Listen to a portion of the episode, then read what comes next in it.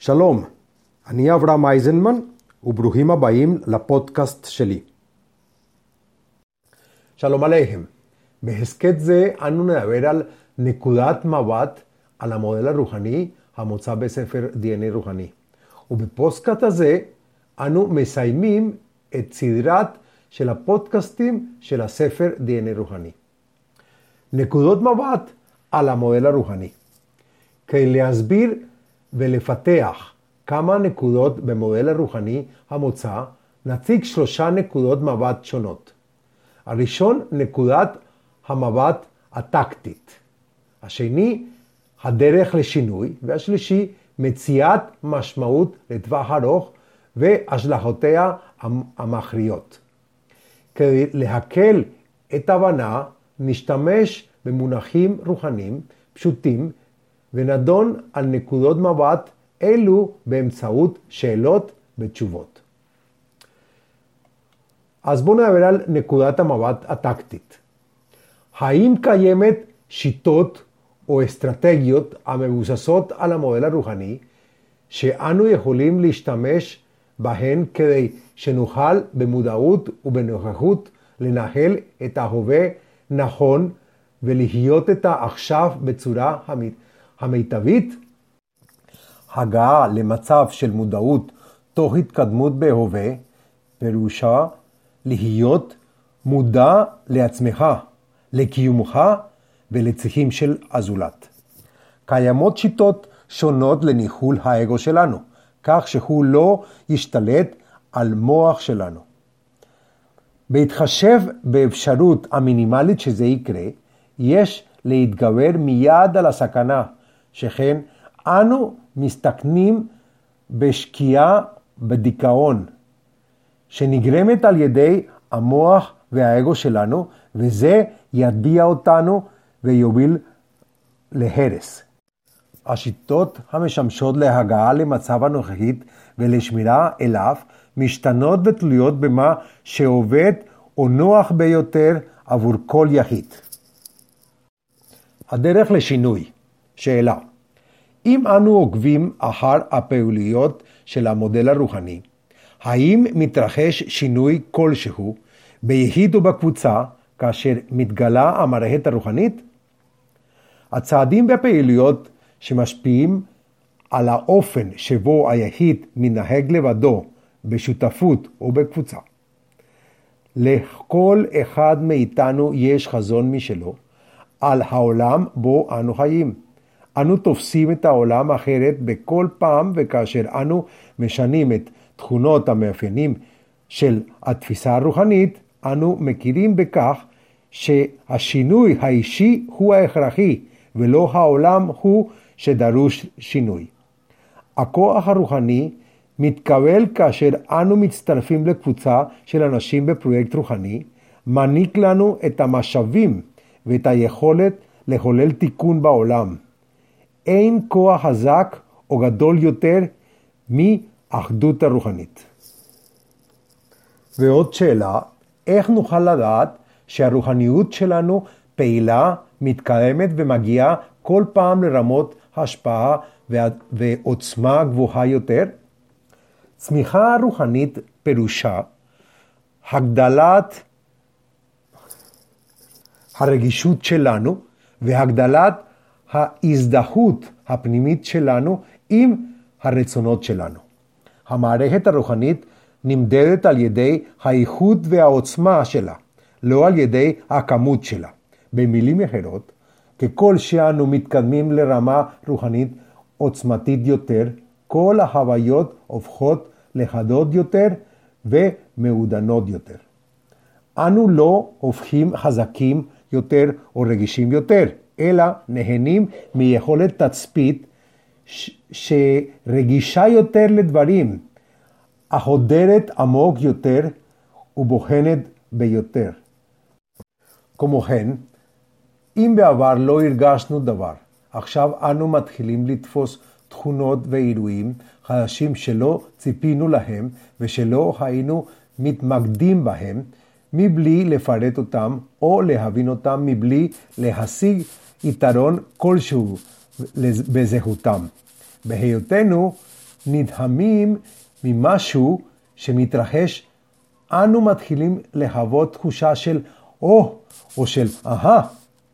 הרעיון הוא שבאמצעות התקדמות ובהבנת המערכת הרוחנית נהיה מסוגלים להמשיך להתעמק יותר ויותר, להכיר ולפשט את התכונות הפנימיות שלנו יותר ויותר, ולנתח את העולם סביבנו ביותר פעילות. הכלי של כל אדם מתקדם ברוחניות, מתרחב ומתחיל לחשוב דברים חדשים ולקבל מודעות לעולם הסובב אותנו. חלק מהכלי של האדם נרקם עם הכלים של חברי הקבוצה הרוחנית על מנת לכלול עוד ועוד אנשים, אם כי הם עדיין לא שייכים לקבוצה, עד שהם מכסים את כל המציאות שלנו.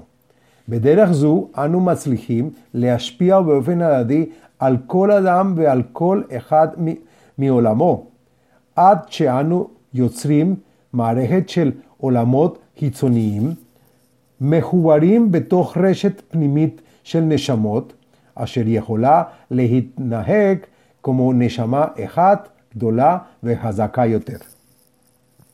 ועוד שאלה, האם תפילה ומדיטציה עוזרות לנו להתקדם בבחינת רוחנית?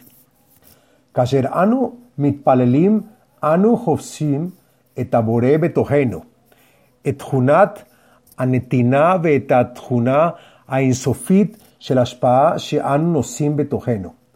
הקבלה מסבירה שהתפילה היא בקשה לתיקון שאנחנו לא מסוגלים לבצע בכוחות עצמנו.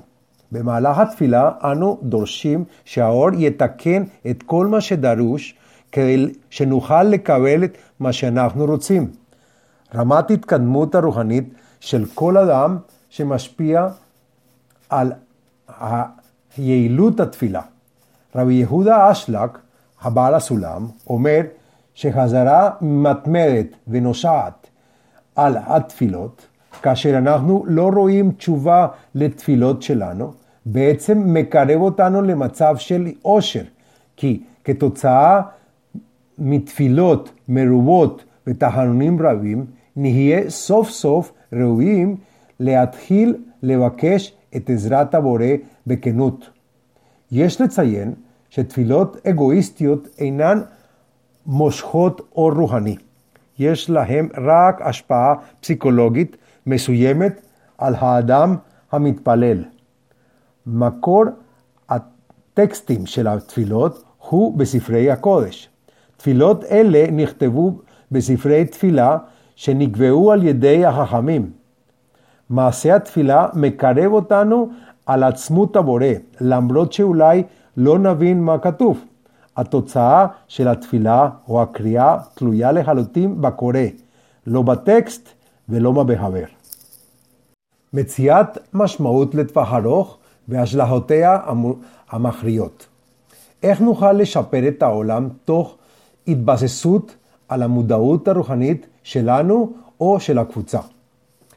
לימוד ספר הזוהר וטקסטים מקודשים אחרים של קבלה מעניק לנו נוסחאות וטכניקות לחיות בשפע, שלום, בריאות ואושר.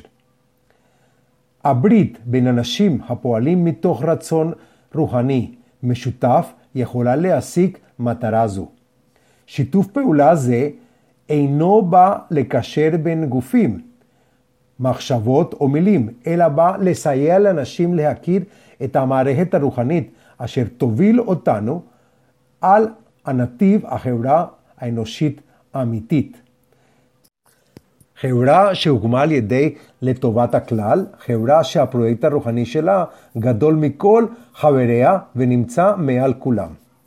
אנו יכולים לראות בבירות כי הטבע משולב במערכת מושלמת ומאוזנת ברמת הדומם, הצומח והחי.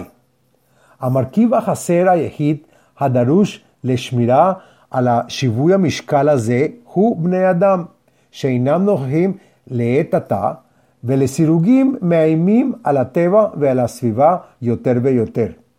כאשר אחדות הרוחנית שלנו תקבל ביטוי, ניפגש בהרמוניה מושלמת ויפה בכל רמות הטבע. זהו השלב הסופי בהתפתחות שלנו בתנאים הנוכחים בעולם. ושאלה אחרונה, האם הכרה של המערכת הרוחנית משפיע על היכולת שלנו להתעלות ברמה, מרמה לרמה עד שנשיג את השפעה עצמות הבורא? ידיעת המערכת הרוחנית משפיע על כולם באופן חיובי והדרגתי, בכל אחד מהשדות והאלמנטים הרוחניים הם כיחידים והם כקבוצה. ככל שאנחנו מתקדמים מרמה לרמה, ההשפעה שלנו על הקבוצה והשפעת הקבוצה עלינו גדלה באופן מערכי בהתאם ליכולת הקליטה של האור הרוחני על ידי הכלי שלנו. הבורא, שורש נשמתנו, שעצמותו היא חלק בלתי נפרד מה-DNA הרוחני שלנו, נעשה ברור יותר ומובהק יותר בכל מערכת היחסים והקשורים שלנו עם בני הזוג, המשפחה והחברה. תודה רבה. הדובר עליכם אברהם אייזנמן, מחבר הספר DNA רוחני, Shita Leherat Ruhanit. Atarbe Internet, Abraham Eisenman, Nekuda.com.